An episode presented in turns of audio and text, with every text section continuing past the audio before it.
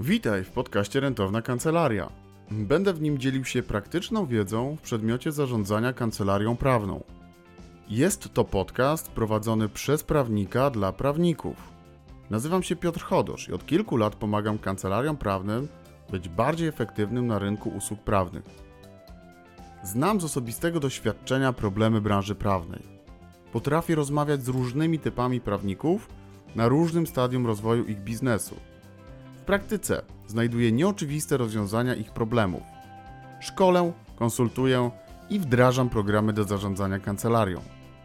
Trafiają do mnie małe i średnie kancelarie szukające pomocy w zakresie rentowności. Dobrze znam narzędzia LegalTech i chętnie pomagam przy wyborze i wdrożeniu odpowiednich rozwiązań. Rentowna kancelaria powstała po to, aby chronić Cię przed błędnymi decyzjami.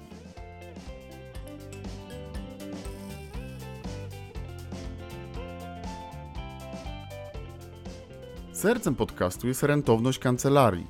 Jest kilka definicji rentowności, głównie ekonomicznych. Ta, z którą ja się utożsamiam, to pozytywny wynik dochodowości kancelarii, który jest konsekwencją kompromisu pomiędzy inwestycjami w zasoby biznesu a stawianymi celami dla kancelarii z uwzględnieniem życia prywatnego. Jeśli chcesz dowiedzieć się, jak zwiększać rentowność kancelarii, to zapraszam Cię do odsłuchania tego podcastu.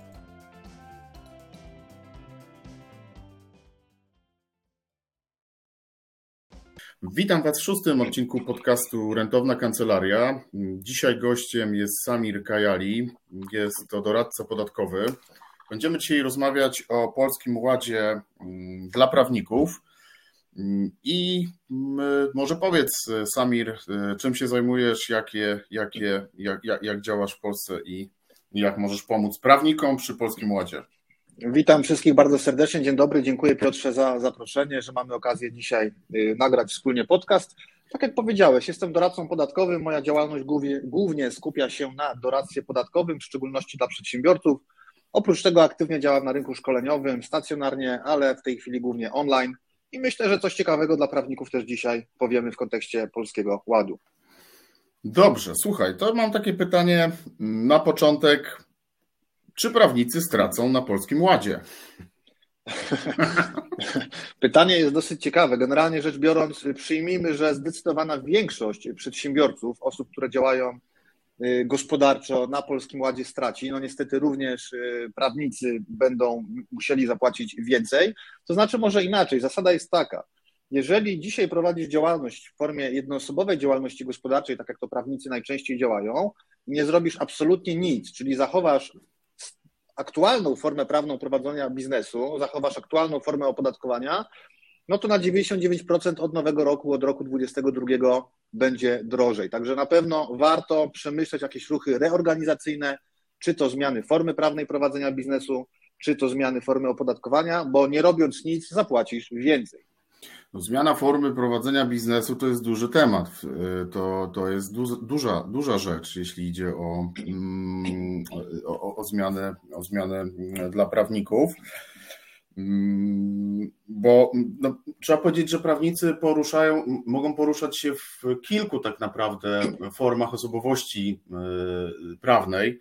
Jakbyś mógł powiedzieć, co masz na myśli, mówiąc zmiana, forma biznes, zmiana formy biznesu dla prawników?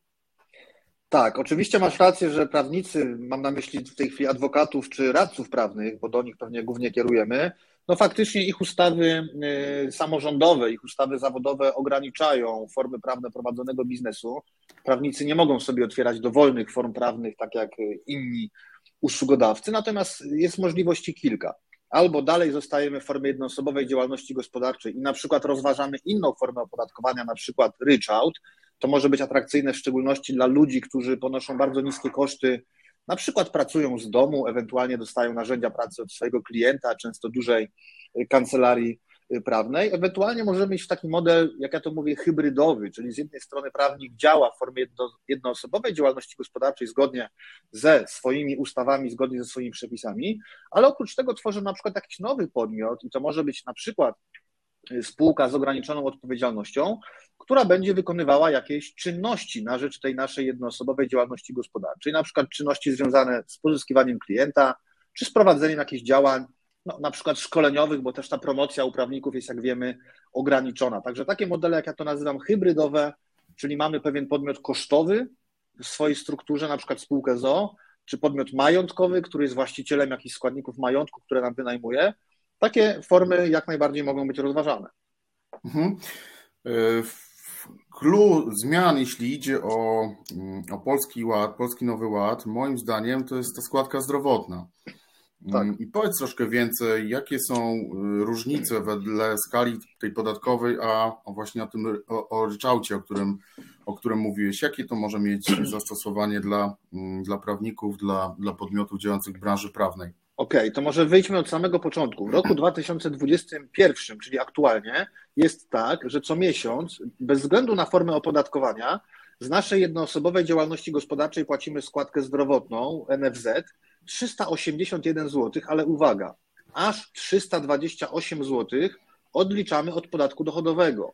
Efektywnie oznacza to, że płacimy tak naprawdę 53 zł składki zdrowotnej miesięcznie. No, liczba ta, ta kwota ta nie wydaje się być jakoś znacząco wysoka. Od roku 2022 niestety, ale składka NFZ nie będzie już stała i nie będzie w szczególności tak niska, jak jest obecnie, tylko będzie skorelowana z dochodem przedsiębiorcy, tak będzie przy podatku liniowym i przy skali podatkowej, ewentualnie będzie oparta o przychód przedsiębiorcy i tak będzie przy ryczałcie. Więc łatwo sobie to wyobrazić, zaraz przejdziemy do jakichś bardziej konkretnych pewnie obliczeń, ale łatwo sobie wyobrazić, że im wyższe dochody czy przychody osiągamy, tym ta nasza składka zdrowotna będzie po prostu wyższa. Mało tego, od roku 22 w ramach Polskiego Ładu zniknie możliwość odliczania składki zdrowotnej od podatku. Więc to jest taka trochę też ukryta podwyżka podatków, bo o tym się trochę mniej mówi, ale nieodliczenie składki zdrowotnej od podatku sprawi, że jej ciężar efektywnie będzie po prostu wyższy. Mhm. E, natomiast ryczałt dla prawników to jest sytuacja, e, gdzie mamy procent, procent e, podatków, a tam w granicach 17, dobrze, dobrze myślę? Tak, 17% to jest, gdy prawnik działa w formie tak zwanego wolnego zawodu. Co to znaczy? To znaczy, że nie zatrudnia nikogo do pomocy. Nikogo, kto pomaga mu w czynnościach prawniczych, bo tutaj nie chodzi o to, że, że prawnik sobie na umowę zlecenie na przykład zawrze umowę z jakimś studentem, który pomaga mu w jakichś działaniach promocyjnych. Nie.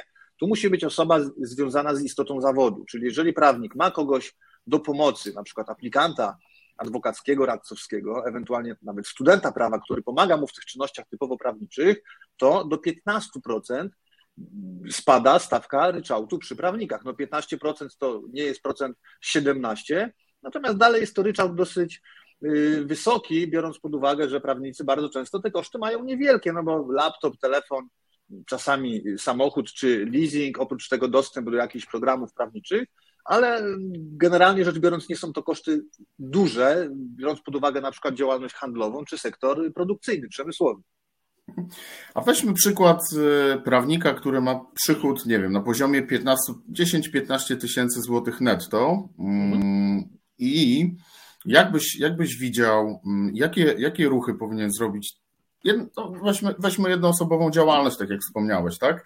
Weźmy, że prawnik e, prowadzi jednoosobową działalność i ma przychodu 15 tysięcy złotych netto. To mhm. czy da się powiedzieć, która mm, jakby z form podatkowania, czy ryczałt, czy skala podatkowa czy podatek liniowy będzie najbardziej korzystna mm, od nowego roku dla niego? Wszystko można powiedzieć, tylko wcześniej byśmy musieli też poruszyć temat kosztów, bo wiesz, przychód 15 tysięcy to ok, natomiast kwestia też, jakie to są koszty miesięczne, czy to są koszty zerowe, czy to są, czy to są koszty na przykład 5 czy 7 tysięcy złotych, więc musielibyśmy tutaj zbadać też kwestię kosztów. Możesz wymyślić jakieś koszty i możemy sobie jakąś bardzo luźną taką symulację przeprowadzić. To weźmy 15 tysięcy przychodów, weźmy kosztów 5 y, tysięcy złotych. No dobra, no to sobie to rozpiszmy, ja sobie też to pozwól zapiszę, żeby nam się też prościej tutaj to wszystko liczyło. Więc jeżeli mamy sytuację, że nasz prawnik ma przychody ja pozwól, że to przeliczę na y, ujęcie całoroczne, bo podatki co do zasady rozlicza się jednak w skali roku, mimo że co miesiąc płacimy zaliczki, to jednak operujemy kwotami rocznymi, bo podatek finalnie rozliczamy zawsze w obrębie danego roku podatkowego, czyli kalendarzowego. Czyli 15 tysięcy przychodu razy 12 miesięcy to jest 180 tysięcy przychodu rocznego i mówisz koszty 5 tysięcy miesięcznie, 60 tysięcy rocznie kosztów. Dochodu, czyli różnicy między przychodami a kosztami jest to 120 tysięcy złotych. No i teraz zróbmy sobie proste obliczenie. Jeżeli mielibyśmy prawnika, który będzie na skali podatkowej, czyli na tej takiej najbardziej popularnej, znaczy może nie popularnej, ale takiej najbardziej dostępnej formie, bo tutaj w zasadzie żadnych warunków nie trzeba spełniać, żeby na niej być, to taki prawnik, co się wydarzy? Mając dochód roczny 120 tysięcy złotych, będzie beneficjentem dwóch zmian podatkowych od nowego roku. Jakich? Po pierwsze, załapie się na wyższą kwotę wolną, bo w ramach Polskiego Ładu kwota wolna będzie wynosiła aż 30 tysięcy złotych, gdzie dzisiaj ta kwota wynosi pomiędzy 0 a 8 tysięcy złotych, w zależności od wielkości dochodu, jest degresywna. Im wyższe dochody, tym kwota wolna jest niższa. Więc przy 120 tysiącach złotych pierwsze 30 tysięcy złotych będzie zupełnie zwolnione z podatku dochodowego. I uwaga, drugi aspekt, który będzie korzystny dla prawników tutaj na skali podatkowej, to jest wyższy próg podatkowy. Od nowego roku, 22, do właśnie 120 tysięcy złotych wzrasta limit dochodów, do którego płacimy 17% podatek. W roku obecnym jest to 85,5 tysiąca. Więc tak Mhm. naprawdę nasz prawnik w przyszłym roku cały ten dochód, jaki będzie musiał opodatkować, czyli de facto 90 tysięcy złotych, mając na uwadze kwotę wolną, opodatkuje 17% stawką yy, podatku. Co sobie szybko przeliczymy, jeżeli możemy, 120, dziewię- czyli 90 tysięcy razy 17%, to daje tam około, bo to wszystko jest takie mniej więcej liczone, 15 300 złotych. No ale pamiętamy, moi szanowni Państwo, że jeszcze będzie składka NFZ i ona będzie liczona od całego dochodu. Tutaj nie ma czegoś takiego jak kwota wolna, więc 120 tysięcy. Przy skali podatkowej będziemy stosowali 9% stawkę NFZ-u, co daje 10 800 złotych rocznie. Jak sumujemy te dwie wartości, to daje nam to 26 100 złotych. Oczywiście pamiętamy, że prawnicy czy inne zawody również płacą też tak zwaną składkę społeczną ZUS, ale ona się od nowego roku generalnie nie zmienia, więc myślę, że jak ją pominiemy w naszych obliczeniach, to będzie to dla wszystkich bardziej klarowne. Czyli zobacz, przy skali podatkowej nasz prawnik Mhm. zapłaci łącznie podatku PIT i składki NFZ około 26 100 złotych. Mhm. Zobaczmy, co by było, gdyby on był na podatku liniowym. Tutaj, co prawda, nie miałby on do dyspozycji kwoty wolnej, ale całe 120 tysięcy złotych opodatkowałby 19% stawką podatku, co daje nam kwotę 22 800 plus zapłaciłby składkę zdrowotną, ale uwaga, równą 4,9% od dochodu Mhm. czyli nie 9, a 0, ten, czyli 5880 zł. Efektywnie daje to w skali roku około 28 tysięcy złotych. Przy skali podatkowej było 26 w przybliżeniu, przy liniowym jest 28. Więc tutaj przy tych konkretnych liczbach, bo ja chcę dodać jeszcze raz, że tutaj mówimy ciągle o konkretnych liczbach. Tak. Przy różnych liczbach podatki różnie się zachowują. Jasne. Tutaj podatek liniowy byłby gorszy dla naszego prawnika, bo zapłaciłby o 2000 rocznie więcej, nazwijmy to danin publicznych w postaci PIT-u i NFZ. Mhm. No i mamy jeszcze, Piotrze, kochany, trzecią formę możliwą, czyli ryczałt. Załóżmy, że no to ty powiedz, czy ten nasz prawnik zatrudnia kogoś, w tych jego kosztach jest wynagrodzenie jakiegoś pomocnika prawnego, czy nie? Nie, dla modelu weźmy, że nie zatrudnia. No to weźmy, że nie zatrudnia. Przychody roczne 180 tysięcy złotych razy 17% daje to podatku, no 30 tysięcy, 31 tysięcy praktycznie samego podatku, więc tutaj nawet nie musimy już tej składki zdrowotnej doliczać, bo sam podatek jest tutaj wyższy niż łączne daniny przy podatku liniowym i przy skali. Więc w tym przypadku ryczałt no, nie będzie najlepszym rozwiązaniem. Dlaczego? No bo nasz prawnik ma relatywnie duże koszty. Jeżeli Okej. spojrzymy na, na, na, na usługi prawne, które bardzo często polegają na pracy, no po prostu z domu, ewentualnie dostajemy narzędzia pracy od naszego klienta, na przykład jakiejś firmy prawniczej. Mam na myśli dostęp do programów prawniczych, laptopa, Tak. telefon komórkowy i tak dalej, no to te koszty są najczęściej dużo niższe, bo my tutaj wzięliśmy koszty 60 tysięcy, przychody 180, Tak. czyli współczynnik kosztów do przychodu to aż 33%. W branży Mhm. prawniczej to jest dosyć wysoki współczynnik i on najczęściej jest dużo niższy. Więc akurat Mhm. przy tych konkretnych liczbach, które sobie opracowaliśmy, Tak. ryczałt, ryczałt wychodzi zdecydowanie najgorzej, bez żadnej dyskusji. Mhm. No pomiędzy skalą podatkową a podatkiem liniowym różnica jest 2000 y, złotych. Warto dodać, że im więcej nasz prawnik by ten dochód y, roczny osiągał, czyli miał na przykład wyższe przychody czy niższe koszty, tym w stronę podatku liniowego byśmy się kierowali bardziej. Dlaczego? Dlatego, że przy skali on już wpadnie w 32% podatek, bo przekracza dochód 120 tysięcy. A Okej. przy podatku liniowym ciągle będzie płacił 19% i ciągle będzie płacił tą obniżoną składkę zdrowotną. Także wiesz, ja chciałem tylko Tobie pokazać na jakichś Twoich takich wymyślonych, fikcyjnych liczbach, Tak. że to się wszystko da policzyć. Jeżeli ktoś mnie pyta, jaka jest najlepsza forma opodatkowania dla prawnika, to na takie pytanie odpowiedzieć się po prostu nie da, bo odpowiedź jest, jak to my w prawie mówimy, odpowiedź ukochana przez prawników i znienawidzona przez klientów, to zależy. Ale, ale jeżeli podstawimy tutaj realne liczby, jakieś przewidywane, no bo musimy robić pewne predykcje, tak, pewne przewidywania, no to generalnie czarno na białym wychodzi, że ta forma jest najgorsza, ta jest najlepsza, a ta jest y, pomiędzy. No nie? Więc łatwo to policzyć. A powiedz, a między skalą a tym podatkiem liniowym są jeszcze jakieś zmienne odnośnie odliczeń i tak dalej dla podatników, dla prawników ewentualnie? Wiesz co, Wiesz co, tak, nawet dla prawników również, ale dla wszystkich. No, przy skali podatkowej mamy pewne korzyści, których y, być może nie mamy, przy, czy z całą pewnością nie mamy przy podatku liniowym. Jedną korzyścią jest tak zwana ulga dla klasy średniej, czyli mówiąc wprost, jeżeli mamy prawnika, przedsiębiorcę, który na skali podatkowej osiąga dochody pomiędzy 60 kilka a 130 kilka tysięcy złotych rocznie, to tam się pojawi taki nowy, bardzo skomplikowany matematyczny mechanizm ulgi dla klasy średniej, czyli pewne odliczenie od dochodu on będzie mógł wykonać, któremu troszeczkę ma zrekompensować te negatywne skutki Polskiego Ładu. No i warto dodać, że przy skali podatkowej istnieje możliwość rozliczania się wspólnie z małżonkiem, z małżonką, co przy podatku liniowym jest niemożliwe. Rozliczenie wspólne z małżonkiem jest często atrakcyjne dla kogoś, gdy ktoś zarabia, no, relatywnie mówiąc, dużo, a jego współmałżonek na przykład nie pracuje lub zarabia bardzo mało, bo na przykład angażuje się w życie domowe. Wtedy forma wspólna może dawać korzyści, ale przy podatku liniowym jej nie ma, jest ona przy skali. Tam oczywiście trzeba spełnić szereg warunków, trzeba być w związku małżeńskim, co oczywiste, i trzeba być w ustroju wspólności majątkowej, czyli rozdzielność majątkowa wyklucza wspólne rozliczenie. Jasne, powiedz, bo wymieniasz wiele elementów, które jakby decydują o tym, y, co robić od nowego roku. Natomiast i też napisałeś ostatnio, że jeśli nic nie zrobisz, to na pewno stracisz. Tak, tak, tak, takie, Tak. Słowa, takie słowa, słowa padły. Ale wiesz co, mam takie pytanie do ciebie. Wiedząc to, co wiesz, gdybyś był takim, no powiedzmy, jednoosobową kancelarią, się uczepiliśmy tej jednoosobowej, ale to może być tak naprawdę i e, kancelaria, która ma wieloosobowy zespół, tak? Bo to będzie, Tak. to będzie dla, dla, dla wszystkich te zasady będą, myślę, podobne. To co ty byś zrobił? e, Jakie ruchy, oprócz tego, żeby skontaktować się z doradcą podatkowym i sobie to omówić, czy poprosić o opinię i tak dalej. Wiadomo, że to się będzie wiązało, wiązało z, z czasem i z kosztem, ale co może zrobić taki prawnik, żeby, żeby się zorientować w swoim temacie, czy to faktycznie ma sens zmiana, mm, czy Mhm. tego właśnie podstawy opodatkowania, czy jakichś tych, czy, czy form prowadzenia działalności? Już ci mówię.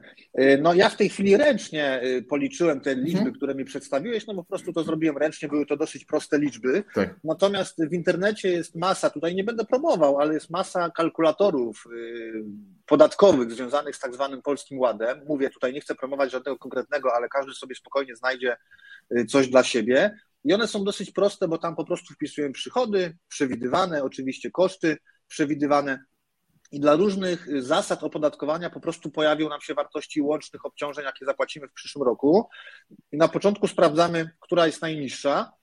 I jeżeli wyjdzie nam jakaś odpowiedź, no bo jakaś przecież wyjdzie, to zastanawiamy się, czy te obciążenia, które nam się pojawią, są dla nas akceptowalne. Bo może być taka sytuacja, że obciążenia, które nam wyjdą, mając na uwadze nasze przychody czy koszty, są dla nas po prostu akceptowalne. Uważamy, że nie jest to jakoś drastycznie dużo i chcemy po prostu płacić daniny w tej wysokości. Jeżeli jednak uznamy, że są dla nas nieakceptowalne, że uważamy, że jednak może być troszeczkę taniej, no to tutaj już kalkulator nam nie da odpowiedzi, co zrobić.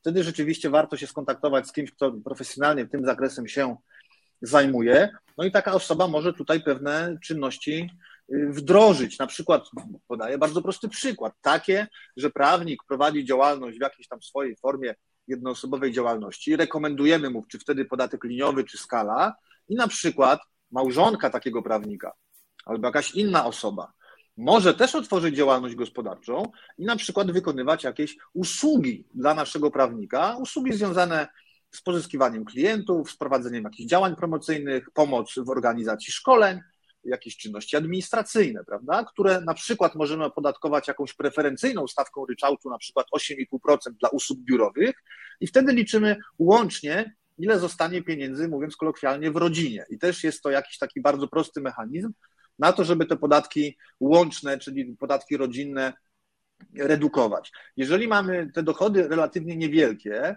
nie chcę mówić o jakie, jakie to są kwoty, no, no bo tak się nie da tego powiedzieć, ale relatywnie niewielkie przyjmijmy, to może się okazać, że lekarstwo jest gorsze od choroby, że wyjdzie nam w wyniku naszych obliczeń, że na przykład wprowadzenie spółki ZO do naszej struktury, która będzie pełnić funkcje takie administracyjne czy promocyjne, teoretycznie da niższe podatki, ale będzie droższe na gruncie samej logistyki, czyli samo otworzenie spółki, utrzymanie spółki, księgowanie spółki nie będzie opłacalne w stosunku do oczekiwanych korzyści.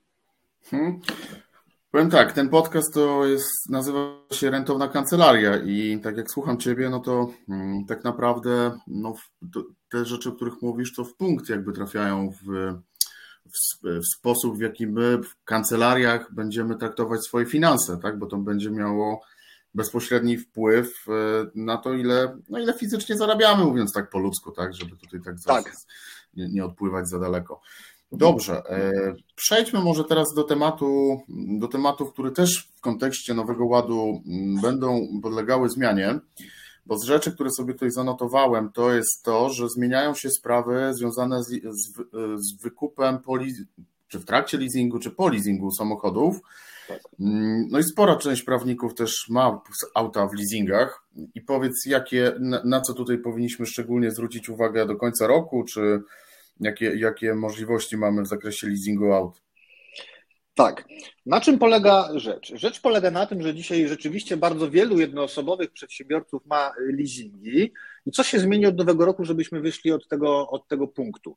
Jeżeli w roku 2022 będzie się kończył leasing na przykład prawnikowi i zdecyduje się on wykupić samochód z leasingu, a najczęściej to zrobi, jeżeli kwota wykupu będzie niewielka, a często jest niewielka 500 czy 1000 zł, no bo harmonogram leasingu był tak skonstruowany. Tak. To jeżeli prawnik wykupi ten samochód z leasingu w roku 2022 i wykupi go na cele prywatne, czyli powie, że nie chce go już wykorzystywać dłużej w działalności gospodarczej, to nawet jeżeli to będzie wykup prywatny, to niestety, ale sprzedaż takiego wykupionego z leasingu samochodu gdzieś na rynku, na niezależnym rynku, będzie się wiązała z opodatkowaniem w ramach działalności gospodarczej. Czyli nasz przedsiębiorca naliczy przychód w wysokości ceny sprzedaży, no i koszty, cena wykupu, ta symboliczna kwota 500 czy 1000 zł. Od niej zapłaci podatek jak z działalności gospodarczej, na przykład liniowy 19%. Od tego oczywiście również zapłaci tą nową składkę zdrowotną. I tutaj mamy przepis, który mówi, że jeżeli jeszcze w roku 2021, w obecnym roku, dokonamy wykupu prywatnie takiego samochodu, nie przekażemy go do prowadzonej działalności gospodarczej, to przy jego sprzedaży, która będzie mogła spokojnie odbywać się w roku 2022, zastosujemy regulacje tak zwane stare, czyli one mówią, że sprzedaż prywatnego majątku po ponad 6 miesiącach od końca, miesiącu jego, od końca miesiąca jego wykupu nie wiąże się z obowiązkiem podatkowym, czyli nie będzie trzeba płacić podatku od sprzedaży. Więc mówiąc bardzo prosto i krótko, jeżeli komuś się za parę miesięcy kończy leasing i nie chce tego samochodu używać w działalności, zamierza go po prostu sprzedać, a myśli o wzięciu kolejnego leasingu, to rozważana opcja, rozważaną opcją mogłoby być wykupienie tego samochodu z leasingu jeszcze w grudniu. Tutaj oczywiście z leasingodawcą trzeba się domówić na takie warunki, na takie zasady. No i spokojna sprzedaż tego samochodu za pół roku, na przykład w czerwcu czy w lipcu, wtedy tutaj podatku nie będzie. No bo weźmy dla przykładu auto, które dzisiaj mogę wykupić tak, w cenie księgowej, wartości księgowej może tak to powiem, 1000 zł, a auto jest warte 100 tysięcy złotych jeśli e, robię to po nowym roku, to będę opodatkowany 20-tysięcznym e, podatkiem, tak? Tam więcej trochę nawet, nie? Bo to tam... 99 tysięcy dochodu, to, no to 19%, no to tam niecałe 20 no. tysięcy podatku wyjdzie, tak? Duża kwota oczywiście. Duża kwota, ale jeszcze do tego składka zdrowotna będzie dodatkowo. Niestety tak, więc to będzie bardzo, bardzo drogie, tak? Więc albo zostawiamy ten samochód w działalności gospodarczej dalej, ewentualnie myślimy o tym, żeby po prostu go wykupić w tym roku, no i sprzedać spokojnie w przyszłym, ale istotne jest w przepisie przejściowym, żebyśmy tak. wykupili go w tym roku. Data wykupu ma znaczenie, a nie data sprzedaży pod kątem stosowania starych versus nowych przepisów. To mało czasu zostało troszkę dla ludzi, którzy. Mam informację, że firmy leasingowe obecnie dostają masę wniosków o takie przeterminowe wykupy, także operacyjnie mogą się tutaj nie wyrobić. Jak jeszcze będziemy zwlekali 2-3 tygodnie, no to leasing nam powie, że po prostu nie zdąży tego tematu przeprocesować. Okej, okay, to ważna rzecz. Dobrze, słuchaj, z rzeczy, które też sobie wynotowałem, które mogą dotyczyć kancelarii prawnych tej branży, to jest ta zmiana obrotu gotówkowego z 15 Yy, wróć, odwrotnie, z 8 tysięcy na 15, tak? Nie, z 15 na 8, przepraszam. Tak. Czyli innymi słowy, jak przychodzi klient do kancelarii i e, chce nam zostawić w torbie gotówkę e, w kwocie 8 mm, tysięcy złotych, to, to raczej powinien nam to zrobić przelewem. Nie, nie, nie. E, tak. Limity, Piotrze, o których mówisz, dotyczą obrotu pomiędzy dwoma przedsiębiorcami. Mhm. I rzeczywiście w tym roku ciągle jest tak, że przedsiębiorcy pomiędzy sobą mogą rozliczać się gotówkowo do łącznej kwoty 15 tysięcy złotych brutto. Ale i tak już dzisiaj jest pewna pułapka, bo ta kwota odnosi się do transakcji, a nie do poszczególnego zamówienia. Więc jeżeli mamy pewną umowę ramową, na podstawie której co miesiąc wpłacamy do kancelarii 4000 zł, to zdaniem organu podatkowego wartość transakcji to nie jest to jednostkowe 4000 zł, odpowiadające danej miesięcznej fakturze, tylko wartość całej umowy, więc już dzisiaj na to trzeba zwracać uwagę. Ale od nowego roku faktycznie do 8 tysięcy złotych ta kwota spadnie. Więc jeżeli będziemy chcieli zapłacić jako przedsiębiorca kancelarii prawnej 10 tysięcy złotych w gotówce, no to jest to coś, czego nie polecam, bo taki nabywca niestety nie będzie mógł zakwalifikować w kosztach podatkowych faktury opłaconej właśnie gotówką w tej kwocie przekraczającej 8 tysięcy złotych, tak. Mhm. Co jeszcze chciałem, mówiliśmy o jednoosobowych działalnach, y, jednoosobowych działalnościach prawników, y, a powiedz, czy masz jakiś pomysł na kancelarię dziesięcioosobową? One tam w większości przypadków bardzo często rozliczają się na zasadach B2B, czyli po prostu na fakturę. E, czy widzisz w kontekście tego polskiego Nowego Ładu jakieś elementy, które mogłyby pomóc e, w takiej strukturze? No to, to, oczywiście wspominałeś o tym, ale, ale czy są może jakieś elementy, które szczególnie w takich większych troszkę organizacjach można byłoby zastosować? Tak, się. E, tak. Po pierwsze, zobacz, jeżeli mamy kancelarię, którą prowadzi jakaś osoba w formie na przykład jednoosobowej działalności, to ona jest przedsiębiorcą. Ale jeżeli ona, mówiąc kolokwialnie, zatrudnia na faktury 10 prawników, to tak naprawdę mamy tutaj jedną kancelarię, ale de facto 11 przedsiębiorców, tak? No bo każdy ten wystawiający fakturę co miesiąc prawnik w świetle prawa jest przedsiębiorcą i on samodzielnie powinien zadbać o swoje podatki dokładnie w ten sam sposób, o którym mówiliśmy przed chwilą. Czyli weryfikuje swoje przychody, koszty, dochód, patrzy na to, czy ma żonę, czy nie ma żony, czy ma dzieci, czy nie ma dzieci, czy rozliczy się wspólnie, czy rozliczy się odrębnie. Natomiast jeżeli chcielibyśmy globalnie podejść do tematu i niejako, mówiąc kolokwialnie, zrobić dobrze sobie, ale również naszym dziesięciu pracownikom, to przewiduje pewien trend, który może się od nowego roku pojawiać, czyli uwaga, powrót na umowy o pracę. Od kilku lat w wielu branżach, myślę, że również, znaczy myślę, z całą pewnością branża prawnicza również w ten sposób działa, mamy po prostu przedsiębiorców, czyli nasi prawnicy są rozliczani w formie B2B tak zwanej, prawda? Tutaj może się okazać, zwłaszcza gdy ich dochody roczne nie przekroczą 120 tysięcy złotych, czyli oni będą cały czas w pierwszym progu podatkowym, że przejście na umowę o pracę będzie efektywne. Będzie efektywne, bo ten konkretny prawnik, będący na umowie o pracę, efektywnie może w roku 2022 płacić niższe podatki niż działający w modelu fakturowym, osiągając dokładnie te same dochody. Więc też może być to element pewnej reorganizacji, czyli tak jak kilka lat temu gremialnie ludzie z umowy o pracę przechodzili na faktury, oczywiście zachowując y, różne ograniczenia prawne, to może teraz się pojawić, nie mówię, że się pojawi, ale może się pojawić trend odwrotny, czyli rozmowa z naszymi wykonawcami, słuchajcie, porozmawiajmy o umowie o pracę. I tutaj pokazujemy korzyści, jakie z tego mogą płynąć. Jest to możliwy trend. Mhm. E, wiesz co, tak e, też z doniesień medialnych czytam, że rząd ma mm, uruchomić infolinię, która będzie objaśniać, omawiać e, zmiany zasad i zmiany przepisów w kontekście Polskiego Nowego Ładu. Mm, jak ty myślisz, jak ona będzie działać, skoro te regulacje są tak niezrozumiałe dla twórców, dla twórców ustawy? Tak, tak, ja tak się zastanawiałem właśnie, wiesz, na tym, że jak, jak ci ludzie z tej infolinii będą sobie radzić, skoro wy jako jakby środowisko doradców podatkowych czy osób, które siedzą w tym, mówią, że tam jest, że tam jest jakby, jeśli chodzi o legislację, no du dużo wyzwań, tak to nazwę. Tak. Jak, jak ty to widzisz, powiedz? Piotrze, ale twoje pytanie, Piotrze, twoje pytanie zawiera tezę, bo pytasz, jak oni sobie będą radzić, czyli już zakładasz z góry, że oni sobie radzić będą. Ja tutaj taki przekonany był, nie był. Tak mówiąc pół żartem, a mówiąc no, no. całkiem a mówiąc całkiem poważnie, y, rząd zastosował trochę taką marketingową ucieczkę do przodu, czyli ponieważ na rząd wylała się fala krytyki ze środowisk prawniczych, ze środowisk przedsiębiorców, ze środowisk eksperckich, że ustawa, która powstała w tak szybki sposób, tak niechlujny, nie bójmy się użyć tego słowa, jest po prostu psuciem prawa, rząd zamiast przyjąć ścieżkę, którą powinien przyjąć, czyli powiedzieć, dobra, dajmy sobie jeszcze rok na spokojne prace nad ustawą, za rok ją wprowadzimy przemyślaną, to rząd powiedział, dobra, dobra, to my puszczamy ustawę w tym kształcie rzeczywiście takim, jakim jest, ale żeby wam osłodzić życie, udostępnimy infolinię i tam ludzie będą wam pomagali. Oczywiście y, to nie ma prawa zadziałać. Dlaczego? No, jestem w stanie sobie wyobrazić, że w ogóle się dodzwonisz i dowiesz się, że na przykład jesteś 1300 w kolejce. No i będzie grała jakaś fajna muzyczka, o godzinie 17, jak już będziesz 800, to cię z automatu rozłączy, no bo przecież czas pracy pracowników minie.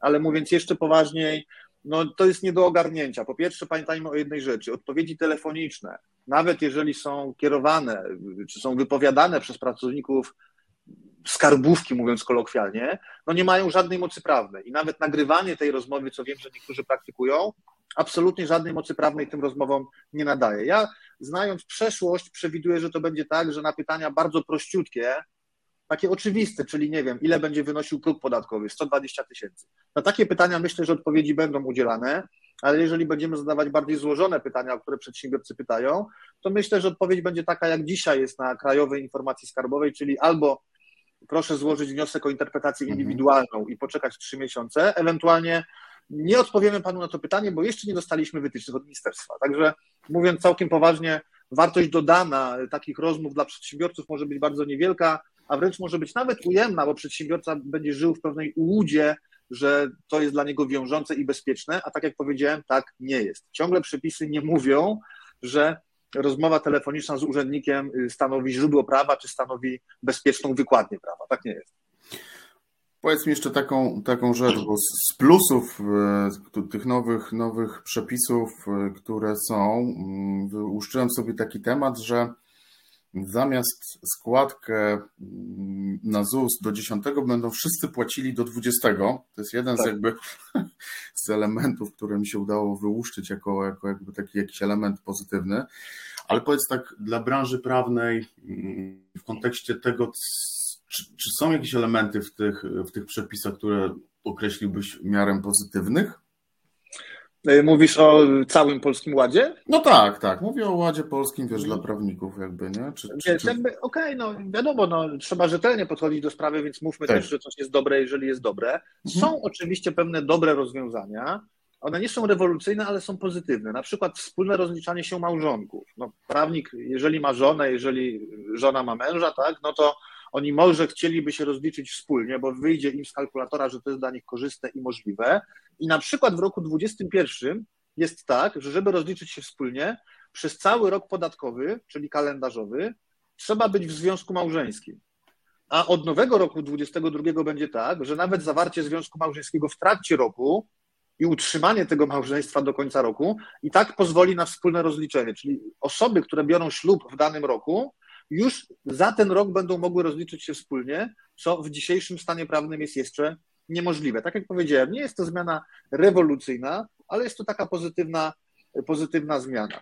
Są pewne przepisy, które też się nam pozytywnie będą jawiły od nowego roku. Przy uldze mieszkaniowej, czyli gdy prywatnie sprzedajemy mieszkania i chcemy z tak zwanej ulgi mieszkaniowej skorzystać, czyli wydatkować te środki na zakup kolejnego mieszkania czy spłatę kredytu hipotecznego, też tu się pewne dobre, pozytywne zmiany odbędą.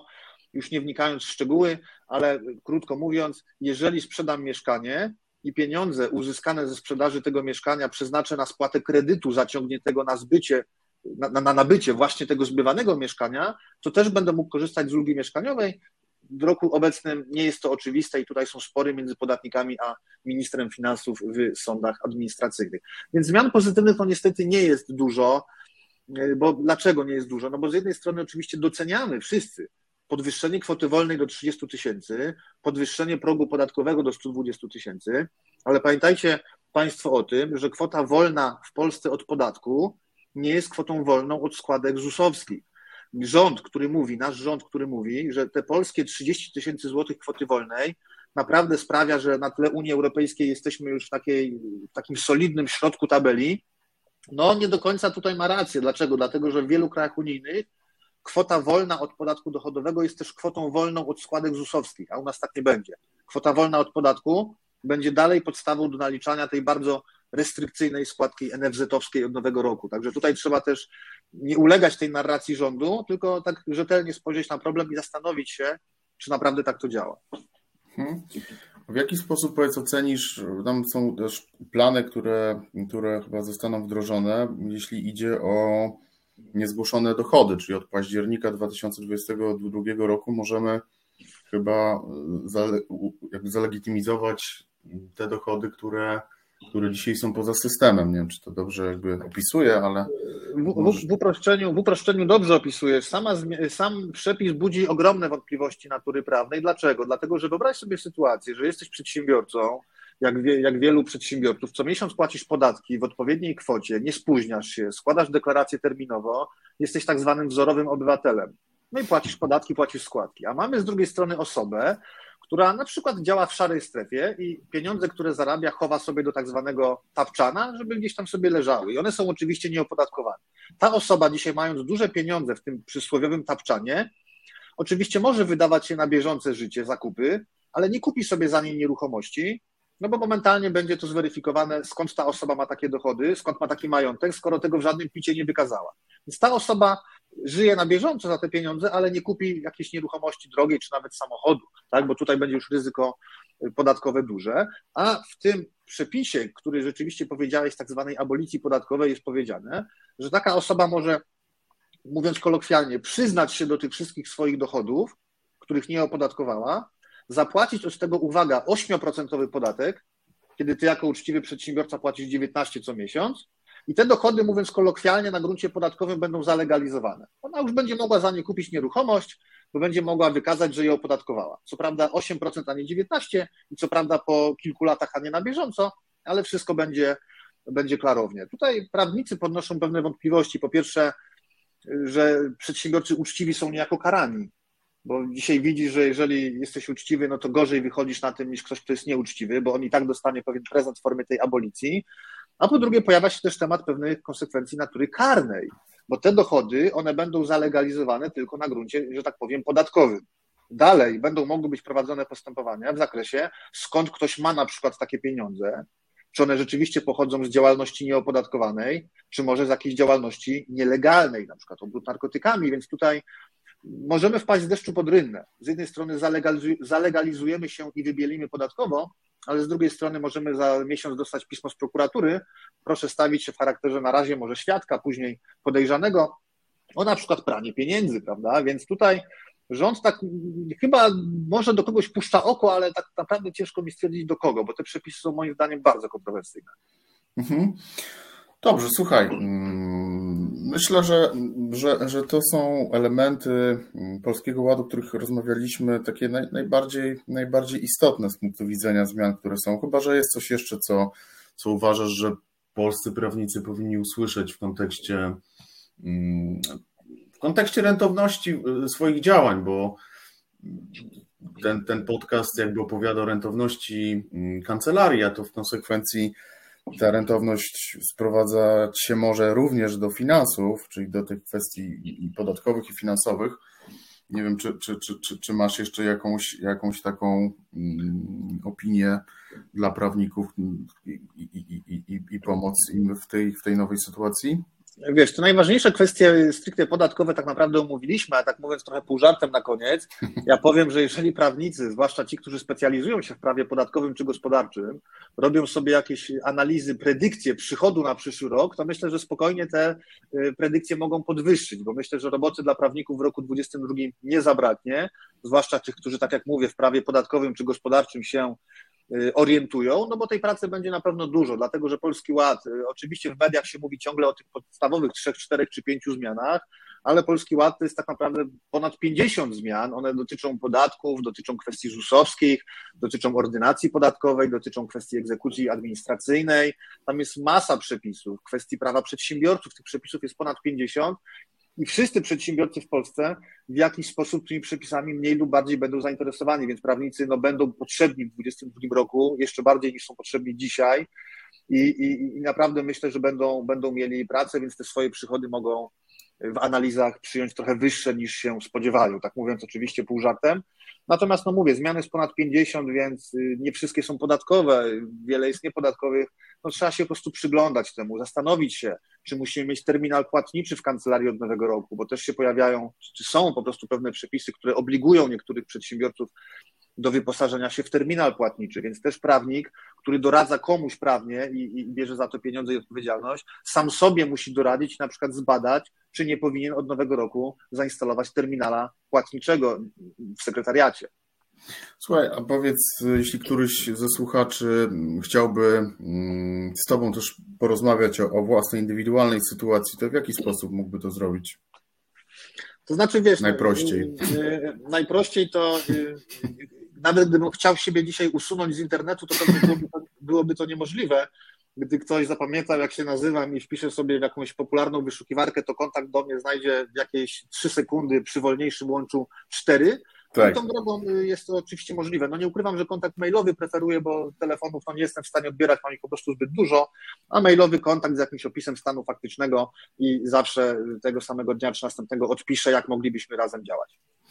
Okej, okay, Samir, słuchaj, ślicznie Ci dziękuję w takim razie. Myślę, że to było wartościowa rozmowa dla ludzi, bo może jakby to też celem nie było to, żeby tutaj mm, jakby doradzać ludziom, tak? Bo to nie, nie w tym rzecz i tego się nie da zrobić, bo to zawsze są indywidualne przypadki, ale na pewno myślę, że, że prawnicy po wysłuchaniu tej naszej rozmowy mm, zwrócą uwagę, ile do tej pory jeszcze nie zwrócili, na te elementy w działalności swojej kancelarii, które mm, bezpośrednio, no i też pośrednio wpływają na finanse nie? kancelarii, jakby w kontekście, tak. w kontekście mm, księgowym, więc dla mnie to było bardzo wartościowe i myślę, że wiele aspektów, które poruszyliśmy, mm, spowoduje, że po prostu w kancelariach ludzi zaczną zastanawiać się, czy możemy robić coś e, inaczej, lepiej, bardziej efektywniej, rentowniej. Nie? Piotrze, no tak jak mówisz, no szef czasami bez butów chodzi. My jako branża szeroko pojęta prawna i doradcza obsługujemy klientów, pomagamy tym naszym klientom przejść jak najbardziej suchą nogą przez te nowe rozwiązania, tak. ale też musimy zająć się swoimi biznesami, bo jesteśmy wszyscy przedsiębiorcami i też musimy znaleźć chwilę czasu na to, żeby przyjrzeć się swojej sytuacji, no bo lekarz też musi być zdrowy, żeby móc leczyć innych ludzi.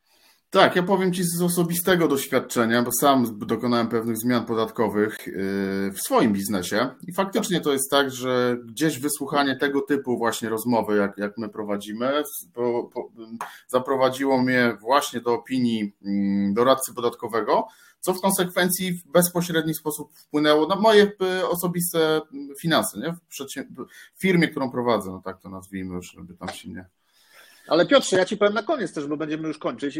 Tak. Rzeczywiście tak to działa, bo jeżeli mamy sytuację, że y, mamy na jednej stacji paliwo za 5,99, a dru na drugiej za 5,80, jesteśmy w stanie przejechać y, kilka kilometrów, żeby zatankować paliwo 20 groszy taniej i szukamy oszczędności w tym miejscu, a nawet często nie zdajemy sobie sprawy, ile, ile, ile pieniędzy w skali roku tracimy na, na podatkach i na składkach ZUS-owskich, tak. więc okazuje się, że mhm. walczymy o 20 zł za tankowanie baku paliwa, tak. na przykład tak jak pokazaliśmy wcześniej, 2000 zł rocznie spokojnie nam ucieka, bo działamy w niewłaściwej formie opodatkowania, więc trzeba na to koniecznie zwracać uwagę. Dobrze, słuchaj, to tym optymistycznym akcentem ślicznie dziękuję Ci mm, za rozmowę. Życzę, życzę, mm, czego życzę właściwie? Czego się życzy doradcy podatkowemu, bo nie wiem.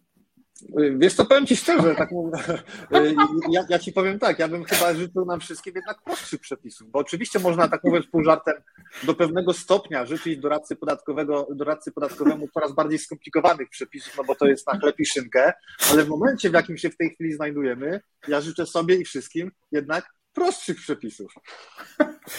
Okej, okay, to życzę Tobie w takim razie prostszych, prostszych, mniej skomplikowanych przepisów. Wszystkiego dobrego. Trzymaj się, cześć, na razie. Dziękuję serdecznie, pozdrawiam. Cześć, hej.